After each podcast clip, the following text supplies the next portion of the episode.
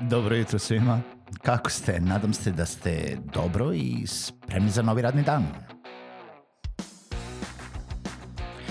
Pozdrav svima i dobrodošli na podcast Male pobede, stari novi podcast koji, well, koji je tu da bi vam kroz pitanje i savete dao motivaciju, pokrenuo vas u pozitivnom smeru i pomogao da ovaj dan počne bolje, jače i možda čak i zabavnije. Moje ime je Željko Crnjaković.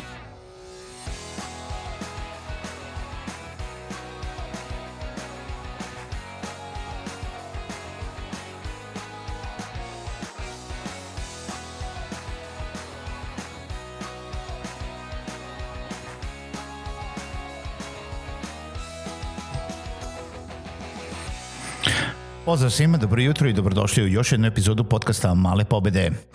Kako smo danas? Nadam se da smo dobro. Uh, vidim da svaku epizodu počinjem sa time, moram da nešto promenim, ali uh, iskreno se nadam da se dobro, uh, da pričamo danas o nekim aktuelnim događajima, ne samo o nekim evergreen temama i o događajima kojima su obeležili, to jest koji su obeležili ovu nedelju, a to je naravno vest o tome da um, IT firme više neće moći ne samo IT firme, nego i druge firme da zapošljavaju paušalce, u stvari da umesto da zapošljavaju ljude, da Uh, zapošljavaju agencije, to jest da se dogovaraju sa njima da otvaraju agencije zato da bi bili zaposleni, zato da bi uh, jel da mogli da imaju manje doprinose, a da bi oni koji rade na kraju krajeva dobili bruto iznos i platili isto nešto manje doprinose. No, da uđemo u celu tu priču, uh, paušalci više neće moći da imaju samo jednog klijenta, u stvari da se zapošljavaju pod navodnicima tako što su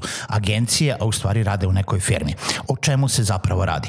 Radi se o tome da postoji jako puno firmi u Srbiji koji su umesto da zaposle nekog radnika, dogovarali se sa, sa tim dotičnim radnikom da umesto da bude zaposlen u firmi, da ima ugovor o radu, da mu se isplaćuje plata, da se na tu platu plaćaju doprinosi koji su od 57 do 65%, nisam knjigovođa, proverite sa knjigovođom koliko bi to bilo u zavisnosti od svega toga.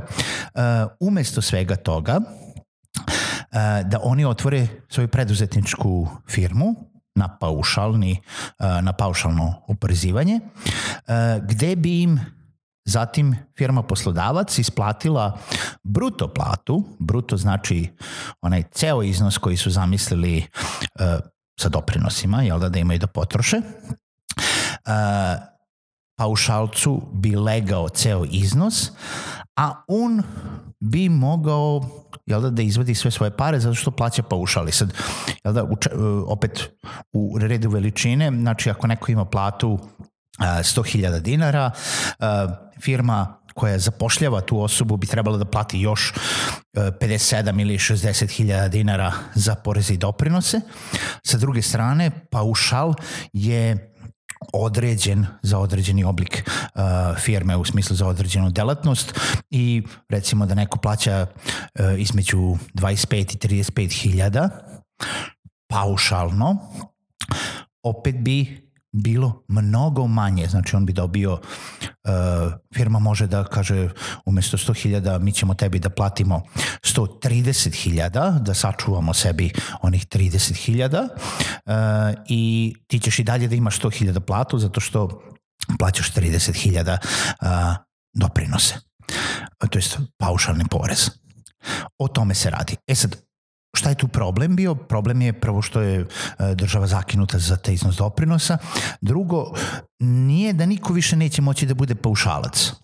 Jednostavno, bit će samo provera da ne radite samo za jednog klijenta, u smislu u njegovim kancelarijama, da imate samo jednog klijenta, da samo od jedne os, to jest od jednog pravnog lica da obijate taj iznos, umesto da budete zaposleni tamo e, jako puno firmi je radilo na taj način e, do te mere da su imali uh, firme od 100 ljudi gde je troje ljudi redovno zaposleno, a svi ostali su na agenciju, a u stvari svi kao radimo u jednoj firmi. E sada, država je odlučila da stane tome na put. Nije samo naša država, to se uh, prošle nedelje pojavilo i u Hrvatskoj i u zemljama u regionu, uh, ali poenta u tome jeste da još nije ništa konačno što bi rekli knjigovođe, nemojte da se plašite, nemojte da Uh, nešto ishitreno radite, da se selite, da otvarate ne znam koje radnje i šta ja znam, da ponovo odete u crno, zato što ovo je neki predlog koji još uvek nije ni ušao u Skupštinu, ne, a ne da je usvojen.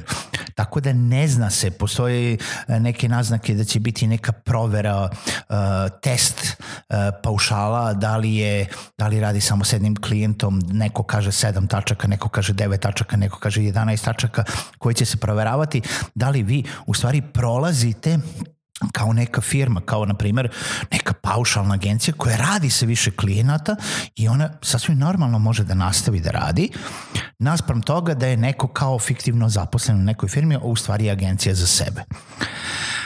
Šta su druga rešenja? Druga rešenja su ili da se neko zaposli. Naravno, država je onda odlučila da tu da neke olakšice, pa se priča o tome da će svako ko bude zaposlen u sledećoj godini, to jest uh, ukoliko ta firma nalogodavac zapošljava radnike, time širi svoj a, jel da, broj zaposlenih, biti oslobođena 70% a, tih poreza i doprinosa na određenu platu u prvoj godini, u drugoj godini 65%, u trećoj godini 65, 60% i onda tako. E sad, Da li je to pravedno ili nije, e, naravno postoji i varijanta šta se dešava sa onima koji su svi normalno, legalno radili do sada, naspram toga da će sada ove firme koji su radili ovako sa agencijama imati benefite e, tih popusta na doprinose, e, naspram toga da ovi koji su radili i koji ne šire svoj broj zaposlenih neće imati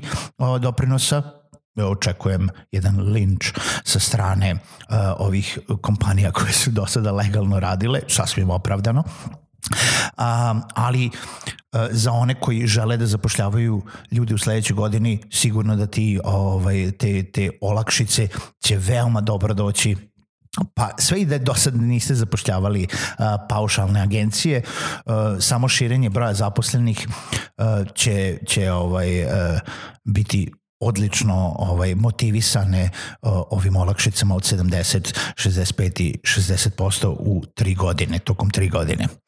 Za one radnike koji se sada uh, okreću, uh, gledaju preko ramena ko će ih uh, uhvatiti ili neće, moja poruka je ista kao i većina što vidite na netu, pogotovo od knjigovođa. Sačekajte uh, još mesec dana, sačekajte da vidimo uh, jel da, šta će biti na kraju od tog predloga zakona, šta će na kraju biti tačni uslovi Uh, ima mnogo pitanja, pratimo sve živo. Uh, naravno, opcije su da se pređe na knjigaša, uh, opcije su da se zaposlite, opcije su razno razne opcije su i da kao paušal imate više klijenata kao, kao takvi i Biće tu raznih opcija, kažem, ništa ne treba ishitreno raditi. E sad, mala poruka od mene. Ništa ovo nije veliki problem. Ne bi trebalo da gledate na to kao problem.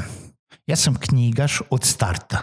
Knjigaš sam već tri godine. Zašto sam bio knjigaš? Zato što kad sam ja otvarao firmu, e, moji prihodi su bili nestalni. Ja nisam imao jednog klijenta, nisam bio zaposlen za nekoga i nisam znao da li ću u nekom momentu uh, jel da imati priliv ili nemati priliv. Meni je bilo puno lakše da budem na tim kontrolisanim troškovima doprinosa gde ja kažem ja ne moram da imam platu preduzetnik sa ličnom zaradom, jel da?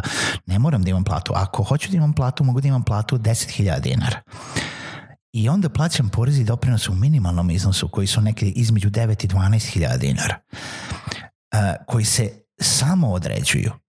Paušal određuje porezka uprava i iznos paušala i šta više, svake godine vam povećava.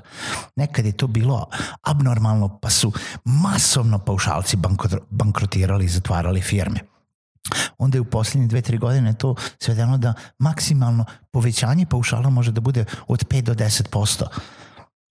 Ali da li se ikom ikad desilo da se smanjio paušal? Ja ne znam za taj slučaj. Što znači da od danas pa za 5 godina vi ćete paušal platiti barem za polovinu više, 50% više. Jer će svake godine biti 5 do 10% više. Sa druge strane, preduzetnik sa ličnom zaradom plati te svoje neke fiksne doprinose i sve ostalo ide u prihod.